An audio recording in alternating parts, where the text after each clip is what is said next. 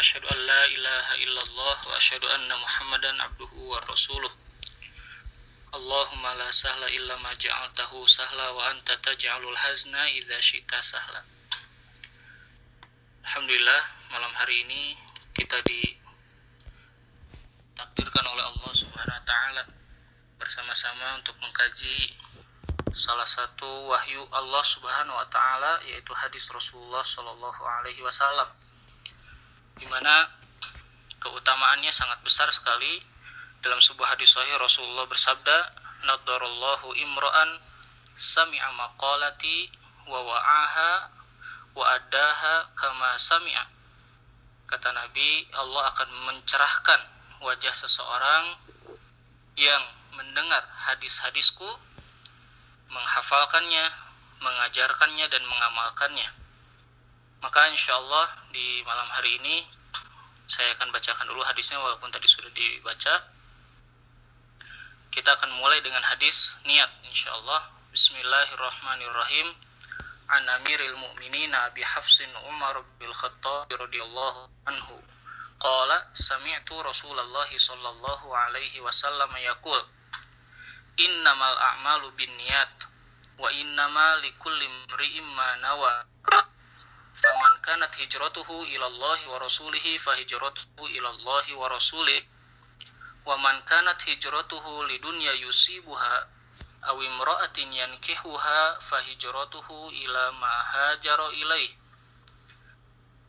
dalam sebuah hadis yang sahih ini Rasul bersabda yang diriwayatkan dari Amirul Mukminin Umar ibn al-Khattab kita akan mulai membahas dari atas dari mulai perawinya. Hadis ini diriwayatkan dari Amirul Mukminin Umar ibn al-Khattab radhiyallahu an. Salah satu sahabat Nabi yang dengan masuk Islamnya beliau Islam menjadi lebih mulia lagi atau Islam menjadi semakin kuat. Beliau salah satu sahabat Nabi yang diberikan kesaksian oleh Nabi nanti akan menjadi pendamping Rasulullah Shallallahu Alaihi Wasallam di surga beliau meninggal pada usia 63 tahun sama seperti Rasulullah beliau di, meninggal dibunuh atau ditusuk oleh seorang majusi yang bernama Ibnu Lu'lu'ah. Kemudian beliau berkata, Qala sami'tu, aku mendengar. Kalau kita menemukan sebuah hadis dengan bahasa sami'tu, aku mendengar, atau akhbarona, telah mengabarkan kepada kami, atau yang sejenisnya, haddatsana, telah menyampaikan hadis kepada kami. Maka yang seperti ini disebutkan dengan hadis yang tingkat kesohihannya sangat tinggi Kenapa demikian? Karena ketika disebutkan sami itu aku mendengar dikabarkan kepada kami dia menceritakan kepada kami Rasulullah berkata kepada kami maka ini menandakan bahwa perawi langsung bertemu bahwa perawi langsung bertemu dan langsung mendengarkan kemudian hadis ini lanjutkan kita baca dulu terjemahnya Rasulullah Shallallahu Alaihi Wasallam bersabda, Innamal a'malu bin niat. Sesungguhnya setiap amal tergantung kepada niat. Wa innama likulli imri'im nawa. Dan sesungguhnya setiap seseorang akan dipertanggungjawabkan sesuai dengan apa yang dia niatkan. Taib, ikhwan dan akhwat atau akhwat rahimakumullah. Sebelum kita membahas syarah daripada hadis niat ini, saya akan jelaskan sedikit mukadimahnya. Pertama, hadis ini merupakan adalah hadis pokok. Ibnu Rajab mengatakan hadis ini adalah thuluthul ilmi, sepertiga ilmu. Imam Syafi'i bahkan mengatakan wa yadkhulu fihi sab'ina baban minal fiqhi. Kata Imam Syafi'i, di dalamnya ada 70 bab tentang masalah fikih. Masya Allah. Jadi hadis ini hadis pokok. Maka para ulama mengatakan setiap para penulis kitab hendaknya memulai kitabnya dengan hadis niat karena ini yang menentukan baik atau benar atau tidaknya amal yang dia lakukan sehingga para ulama baik ulama hadis atau ulama-ulama lainnya pada masa dahulu kalau menulis sebuah kitab pasti memulai dengan hadis hadis niat Kemudian kita lihat hadis ini pendek tapi isinya sangat dalam. Maka hadis ini disebut dengan hadis Jawami'ul Kalim. Jawami'ul Kalim itu adalah kalimat-kalimat Nabi yang pendek tapi isinya sangat dalam. Dalam sebuah hadis sahih Rasul pernah bersabda, kata Nabi, "Inni fudiltu ala sairil anbiya bisitin." Aku diutamakan atas para nabi lainnya dengan enam perkara. Nomor satunya, kata Nabi, utitu jawami al kalim. Aku diberi oleh Nabi, oleh Allah, jawami ul kalim. Kalimat-kalimat Rasul itu pendek, tapi isinya sangat mendalam sekali. Berbeda dengan kita, banyak berbicara, isinya sedikit. Rasulullah sedikit berbicara, sekali berbicara isinya sangat sangat dalam sekali. Nah, ini disebut dengan jawamiul jawamiul kalim. Taib. Hadis ini ada yang mengatakan bahwa memiliki asbabul wurud, sebab keluarnya hadis ini. Sebagian ulama mutaakhirin atau yang akhir-akhir ke sini mengatakan bahwa hadis ini berkaitan dengan seorang sahabat yang berhijrah karena ingin menikahi Ummu Qais, seorang sahabiah. Maka disebut muhajir Ummu Qais. Kisah ini ditentang oleh para ulama hadis pada masa dahulu. Di antaranya adalah Ibnu Rajab Ibnu Hajar dan yang lainnya. Mereka mengatakan tidak benar kalau kisah itu berkaitan dengan dengan hadis ini. Pada intinya adalah hadis ini adalah hadis pokok di mana hadis ini merupakan hadis sebagai pondasi utama dalam urusan amal. Kalau kita lihat dalam ilmu din ini ada lima kaidah fikih. Ada lima kaidah fikih yang mungkin nanti kalau atau sudah pernah belajar. Kaidah nomor al-umuru bimaqasidiha. Setiap urusan dilihat daripada niatnya. Nah, maka ini sangat penting sekali karena Rasulullah SAW dalam hadis lain mengatakan yuhsyarun nasu ala niyatihi manusia akan dibangkitkan nanti di hari kiamat dikumpulkan oleh Allah dilihat tergantung niatnya waktu di dunia niat dia berbicara niat dia melangkah niat dia menulis niat dia apa pun dilihat pada niatnya karena niat inilah yang paling pokok sehingga para ulama mengatakan hadis ini merupakan hadis sepertiga ilmu agama ada dalam hadis ini. Bayangkan sepertiga ilmu agama dalam hadis ini. Imam Syafi'i mengatakan 70 bab fikih ada dalam satu hadis ini. Mungkin kalau kita nggak kebayang apa saja. Tapi karena Imam Syafi'i seorang ulama fakih, ya, ketakwaannya sangat tinggi, sangat mudah memahami dia. Maka mengatakan di dalamnya terdapat 70 bab tentang fikih. Baik, kita akan lanjutkan. Kemudian kata Allah, eh, kata Nabi SAW, afwan, innamal a'malu niat. Setiap amal harus dengan niat. Para ulama mengatakan yang dimaksud dengan niat adalah bahwa setiap amal tidak akan diterima kecuali dia memiliki niat. Apa itu niat?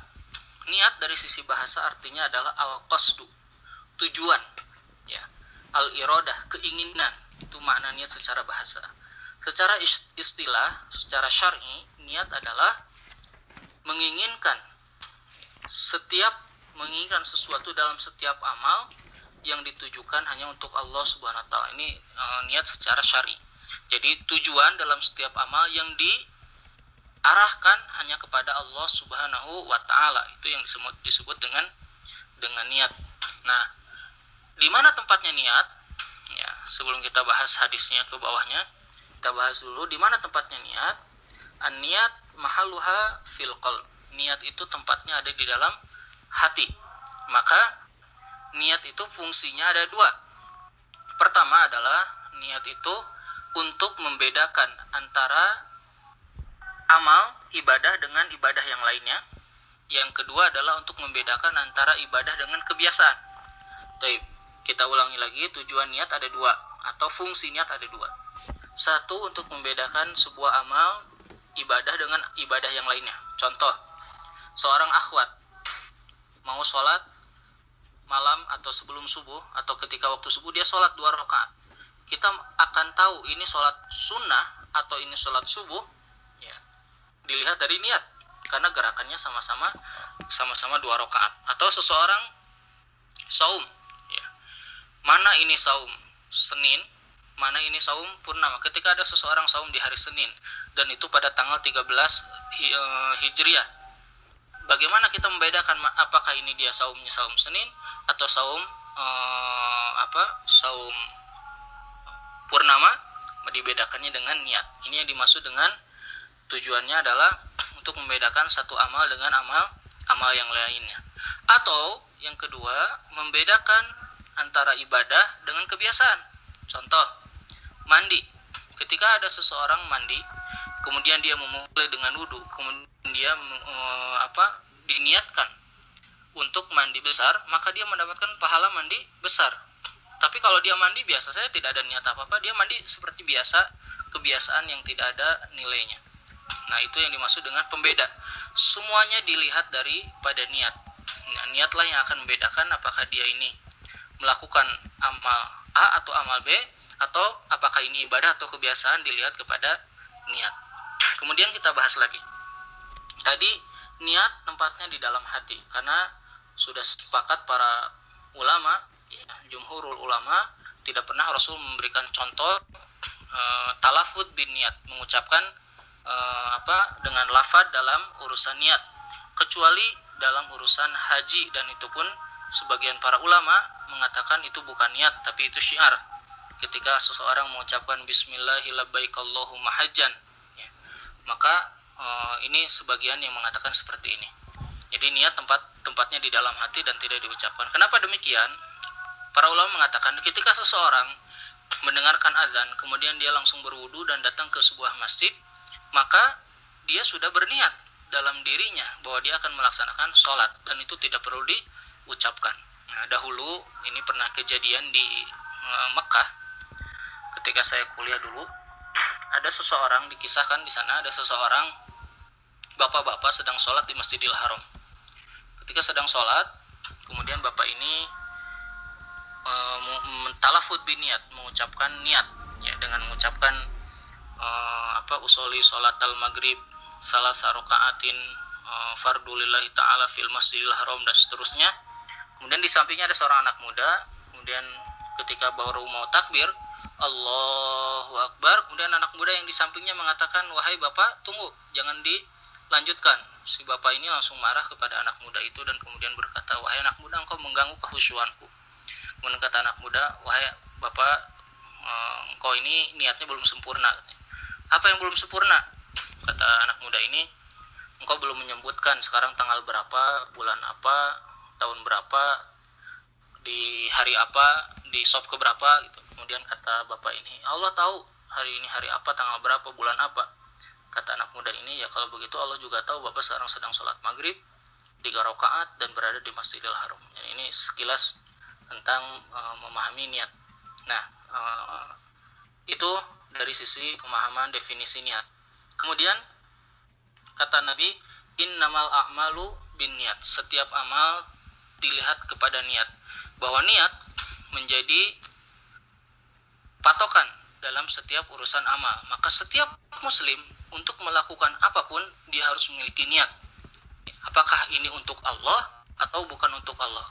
Jadi niat ini tadi berkaitan dengan tujuan sama berkaitan dengan e, bentuknya. Apakah ini wajib, apakah sunnah? Seorang akhwat mau mengkodo saum di hari Kamis ini lagi saum kodo apa saum sunnah Kamis ditentukan dengan dengan niat.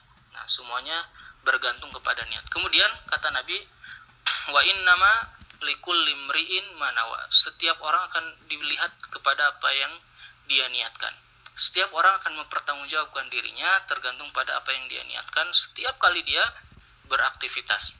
Semuanya, karena malaikat tidak mencatat niat.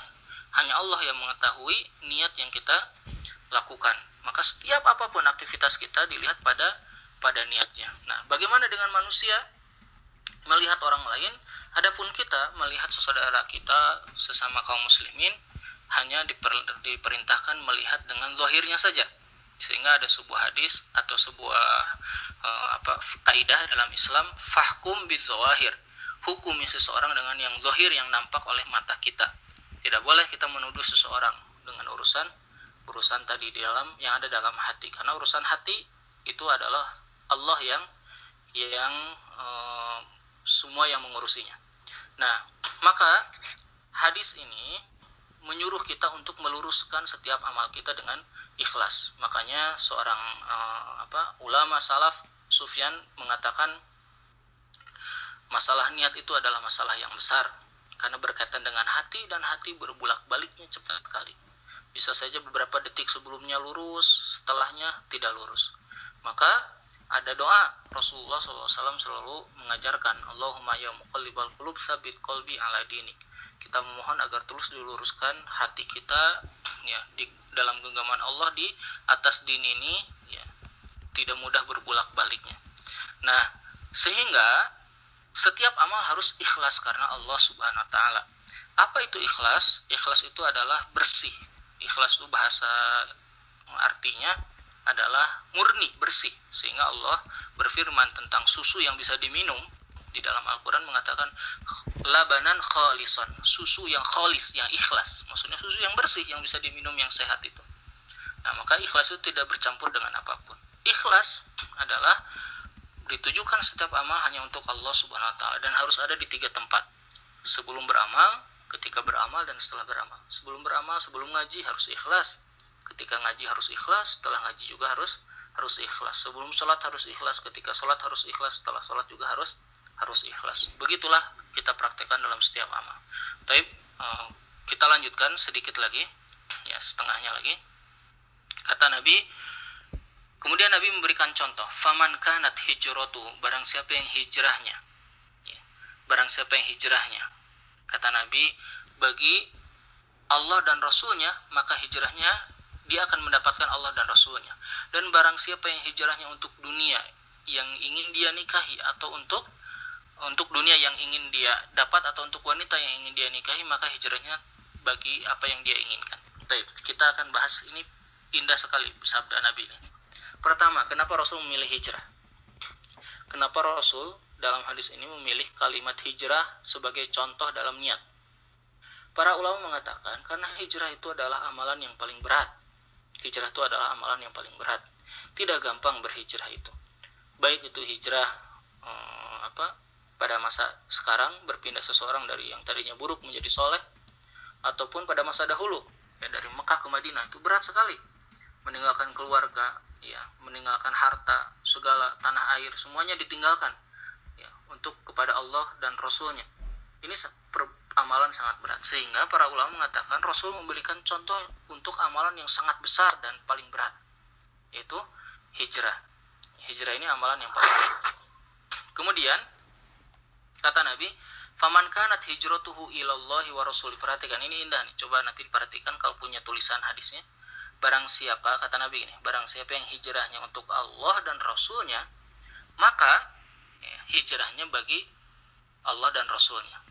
Lihat, kalau orang kalau berniat dalam sebuah hijrah tadi atau beramal untuk Allah Rasulnya, kemudian kata Nabi, pahalanya dapat Allah Rasulnya.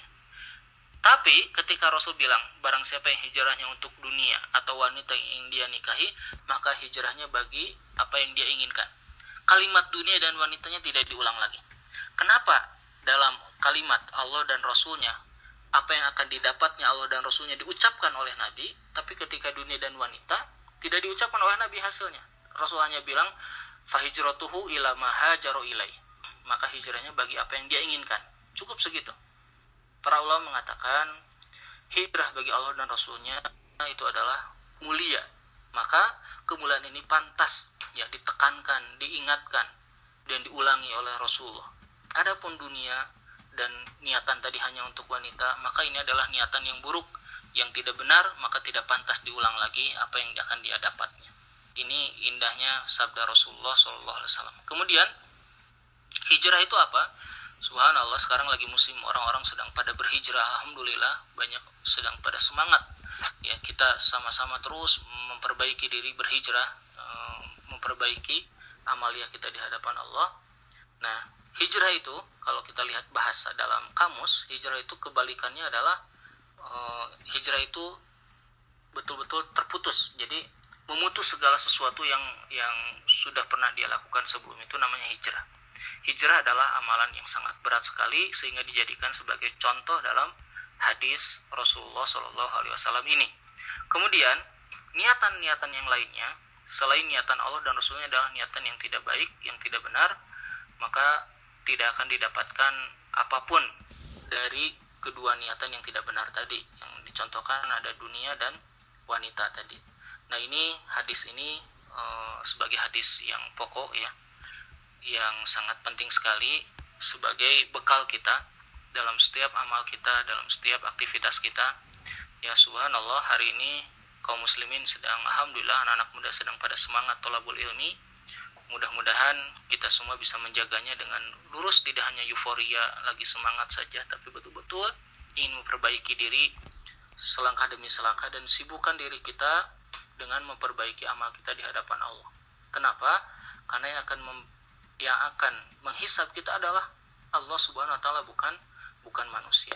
Dan bagi para penuntut ilmu ya tidak hanya cukup dengan semangat tolabul ilmi ya memperbaiki amal tapi juga harus memperbaiki adab-adabnya agar akhlak tetap terjaga lisan tetap terjaga fokus kepada diri sendiri ya. E, maksud diri sendiri itu adalah memperbaiki amal. Nah ini adalah sangat penting sekali. Jadi kesimpulan hadis ini adalah hadis yang sangat pokok sekali hadis yang sahih sepertiga dari ilmu agama. Kemudian di dalamnya kata Imam Syafi'i ada 70 bab tentang urusan fikih ya. Yang ini tidak bisa dibahas dalam satu pertemuan ya. Harus di beberapa kali pertemuan ya. Di situ bagaimana niat kalau sedang sholat bagaimana niat kalau sedang uh, kalau mau uh, sedekah niat kalau mau uh, saum niat dan seterusnya. Ini dibahas oleh Imam Syafi'i uh, tentang masalah bab fikih. Kemudian kita sebagai muslim sebagai manusia akan dipertanggungjawabkan terhadap apa yang kita niatkan atas kita di dunia ini. Dan manusia tidak akan ada yang tahu hanya kita dengan Allah Subhanahu wa taala. Maka banyak-banyak berdoa kepada Allah Subhanahu wa taala agar terus meluruskan niat kita meluruskan uh, hati kita di atas din ini dan tidak menyibukkan diri kita dengan hal-hal yang tidak penting yang tidak akan dipertanggungjawabkan nanti di hari kiamat. Mungkin itu uh, apa sekilas karena waktunya tadi setengah jam ya. Iya Ustaz. Sepertinya sudah sudah setengah jam ya? Uh, 20 menit. Iya sih sekitar setengah jam. 20 menitan. Uh, uh, mau dilanjut atau langsung tanya jawab atau Uh, kalau misalkan memang masih ada materi dari Ustadznya boleh boleh ini boleh apa boleh Ustadz lanjutin ini sembari yang lain nanti biar diketik aja pertanyaannya. Oh, taib. Ya. Baik. Kalau gitu sekitar lima menit lagi ya, ya saya baik. lanjutkan. Taib. Ya kembali lagi ya. Tadi sebetulnya ini pembahasannya tuh sangat panjang nih hadis niat ini uh, apa di dalam kitab-kitab hadis dikaji betul-betul sangat detail sekali. Sedikit saya tambahkan hal-hal pokok yang terdapat dalam hadis ini ditambahkan lagi ya. Pertama masalah ikhlas ya. Kita akan bahas dulu tentang ikhlas. Ingat dalam amal tadi kan niat itu penting. Maka niat itu adalah keinginan ya secara syar'i adalah yang ditujukan hanya untuk Allah Subhanahu wa taala dan fungsinya untuk membedakan mana tujuan untuk Allah, tujuan untuk manusia, mana amal ibadah yang ibadah, mana yang kebiasaan, mana ibadah yang sunnah, mana yang wajib semuanya dilihat atau fungsinya dari situ dari niat. Kemudian ya, niat ini karena tadi ditujukan untuk Allah maka harus ikhlas. Ikhlas adalah salah satu syarat diterimanya amal soleh Para ulama mengatakan syarat diterimanya amal soleh kita ada dua. Satu ikhlas, kedua sesuai dengan sunnah Rasulullah Shallallahu Alaihi Wasallam.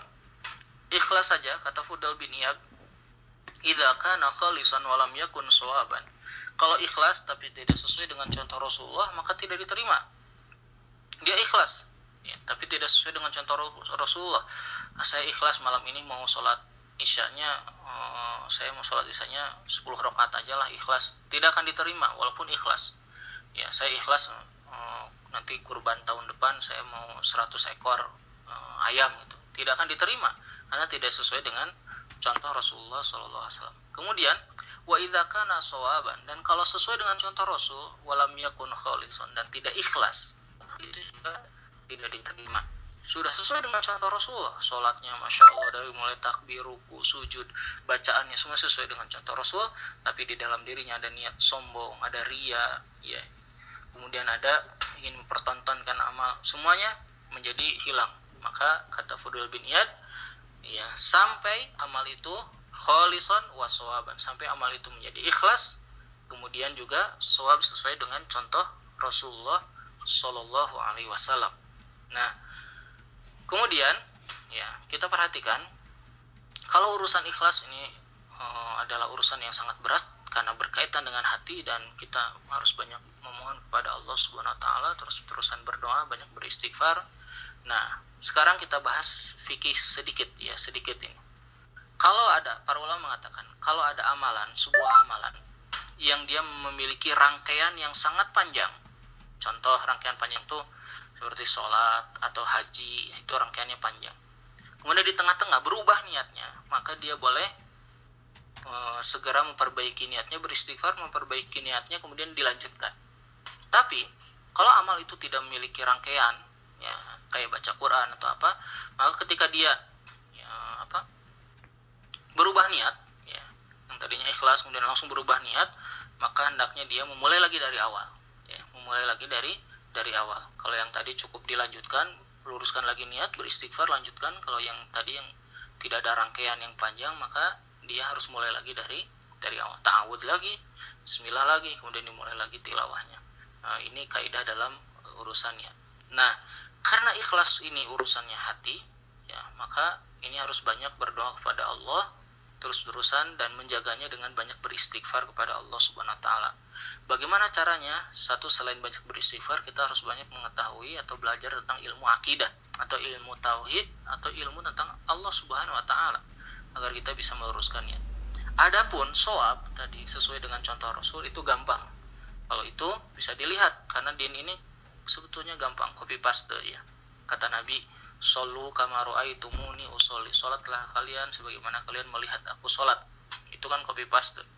Kemudian kata Nabi, Khudhu anni manasikakum. Ambillah cara hajimu dariku. Itu kan copy paste. Nah, dalam urusan ini gampang. Lihat saja bagaimana Rasul beramal, beribadah cukup. Ya, diambil saja itu. Tidak boleh mempersulit diri, tidak boleh mengada-ada. Ya, ini kaidahnya. Jadi kalau ikhlas tadi banyak beristighfar, kuatkan ilmu tauhidnya, ya murokobatullahnya insya Allah kita bisa menjaga terus urusan ikhlas.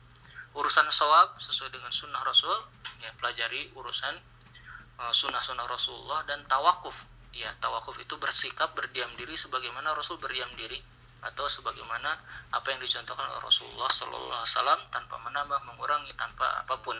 Karena din ini kata Nabi taraktu fikum al baidok lailuha karena hariha aku telah meninggalkan din ini sudah lengkap sekali seperti bulan purnama malamnya saja terang benderang seperti siang hari. Semuanya sudah diajarkan oleh Rasulullah Shallallahu Alaihi Wasallam. Nah kalau dalam hal ini penutup ini ya hmm, mungkin ada dua menit cukup. Syekh Utsaimin mengatakan kalau untuk urusan soal mengikuti sunnah Rasul lihat aja enam hal. Ya, ini ini silakan ditulis juga boleh ya. Lihat enam hal. Satu kata saya Saimin gini. Pertama lihat uh, sebabnya kalau sebabnya sesuai dengan sunnah Rasul sudah. Sebab itu apa maksudnya? Contoh gini. Seorang akhwat sholat tahiyatul masjid. Sebabnya apa? Karena masuk masjid. Ya. Tapi kalau mau ada orang masuk rumah terus sholat kamu sholat apa? Tahiyatul bait.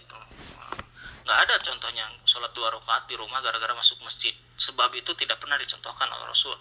Maka kata Syekh Utsaimin kalau sebabnya tidak ada contohnya maka batal atau dia tidak sesuai sunnah. Kalau sebabnya sesuai dengan contoh Rasulullah maka itu sesuai dengan sunnah. Dilihat sebabnya. Setiap amal itu lihat sebabnya. Sebabnya apa nih? Kalau Rasul pernah nggak melakukan amal ini karena sebab ini gitu. Oh, Rasul sholat purnama. Kenapa? Karena ada gerhana. Rasul sholat uh, apa lagi? Sholat sunnah tawaf. Karena setelah tawaf itu kan semuanya sebabnya ada. Satu itu. Yang kedua kefiat. Kata saya Utsaimin lihat caranya saja. Dari mulai takbir kalau kalau sholat dari mulai takbir sampai salam dilihat caranya. Kalau caranya sesuai maka selesai. Kalau caranya tidak sesuai ini Rasul nggak pernah begini nih. Nah, berarti salah. Itu uh, yang kedua ya. Kita percepat. Yang ketiga ya, tadi cara. Kemudian yang ketiga adalah makanuhu tempatnya. Kalau ibadah kita berkaitan dengan tempat, lihat. Pernah nggak Rasul melakukan ibadah ini dengan tempat ini? Atau di tempat seperti ini. Contoh gini, orang tahiyatul masjid di mana tempatnya? Di masjid. Kalau orang tahiyatul masjid di rumah ya salah. Nggak ada tahiyatul masjid di rumah. Ada seorang ikhwan terus bilang saya insya Allah mulai tahun depan mau itikaf di rumah. Nah itikaf itu di di masjid. Nggak ada itikaf di rumah. Ah saya biar oh, apa kalau haji biar nggak ngantri saya hajinya mau ke India aja. Ya nggak bisa haji ke India. Ya, tempatnya haji itu di di Arafah, Mina, Muzdalifah, Masjidil Haram. Ini berkaitan dengan tempat. Jadi satu tadi apa? Sebab, kemudian kedua tata cara, ketiga tempat. Yang keempat, zaman berkaitan dengan waktu. Kata saya, saya lihat waktu kalau berkaitan dengan waktu. Pernah nggak di waktu itu Rasulullah mencontohkan ibadah begitu? Kalau tidak, tidak diterima. Contoh, ah saya sholat subuhnya, Wama kalau di Indonesia sholat subuh itu azannya setengah lima nah, saya sholat subuhnya jam 4 aja soalnya jam 4 lewat 5 menit saya harus ke Jakarta umum. kalau dari Bandung. Yang nggak akan diterima belum waktunya. Azan. Ya, ya sholat subuh harus dilakukan uh, sholat harus dilakukan setelah setelah azan. Gitu sholat wajib dilakukan setelah azan. Nah jadi dilihat waktunya. Contoh mama ada seorang tokoh liberal mengatakan biar gampang haji itu harusnya diatur katanya. Jadi orang Asia hajinya mau bulan uh, apa Muharram nanti orang Afrika bulan Syakban nanti orang uh, Eropa bulan Rojab gitu. Ini kan nggak benar karena waktunya sudah ditetapkan oleh Allah Subhanahu Wa Taala. Kalau berkaitan dengan waktu. Itu empat. Ya kemudian yang kelima ada duhu jumlahnya. Kalau berkaitan dengan jumlah maka lihat jumlahnya Rasul nggak pernah nggak melakukan amal ini jumlahnya sama kayak begini. Ya contoh zikir atau sholat atau apa pun jumlah. Dilihat jumlahnya pernah nggak? Begini. Saum saum Ramadan. Ah, saya saum Ramadan mau 31 hari aja. Ya nggak ada contohnya dari Rasul tawaf. Tawaf itu tujuh keliling. Kok ini ada tawaf sampai 40 keliling? Karena saya mau sehat. Mau 40 keliling aja tidak akan diterima. Ya karena uh, jumlahnya tidak sesuai dengan yang dicontohkan oleh Rasulullah Shallallahu Alaihi Wasallam. Terakhir yang keenam adalah jin suhu jenisnya. Ya, dilihat. Kalau berkaitan dengan jenis dilihat jenis seperti itu pernah dicontohkan enggak contoh apa jenis? Orang kurban. Ustaz biar kurban saya lebih banyak saya mau kurbannya ikan aja atau kurbannya ayam aja. Nggak akan diterima. Kurban itu adalah harus bahimatul an'am. Ya dari hewan ternak berupa sapi unta ya dan kambing dan sejenisnya. Sapi sejenisnya kambing sejenisnya dan unta. Tidak boleh selain daripada itu ini jenis, maka harus dilihat kalau berkaitan dengan dengan jenis. Nah ini enam hal yang memudahkan kita untuk melihat sesuai sunnah atau tidak. Satu, sebab, lihat sebabnya. Yang kedua, tata caranya, lihat sesuai apa enggak. Yang ketiga, tempatnya, lihat sesuai atau tidak. Yang ke yang keempat, yang ketiga tempatnya, yang keempat, e, jumlahnya dilihat sesuai atau tidak. Kemudian yang berikutnya adalah waktunya sesuai atau tidak. Dan yang terakhir adalah e, jenisnya sesuai atau tidak demikian uh, apa tambahan kajiannya. Insya Allah sudah lebih dari setengah jam. Mungkin dicukupkan sekian. Ya. Tafadol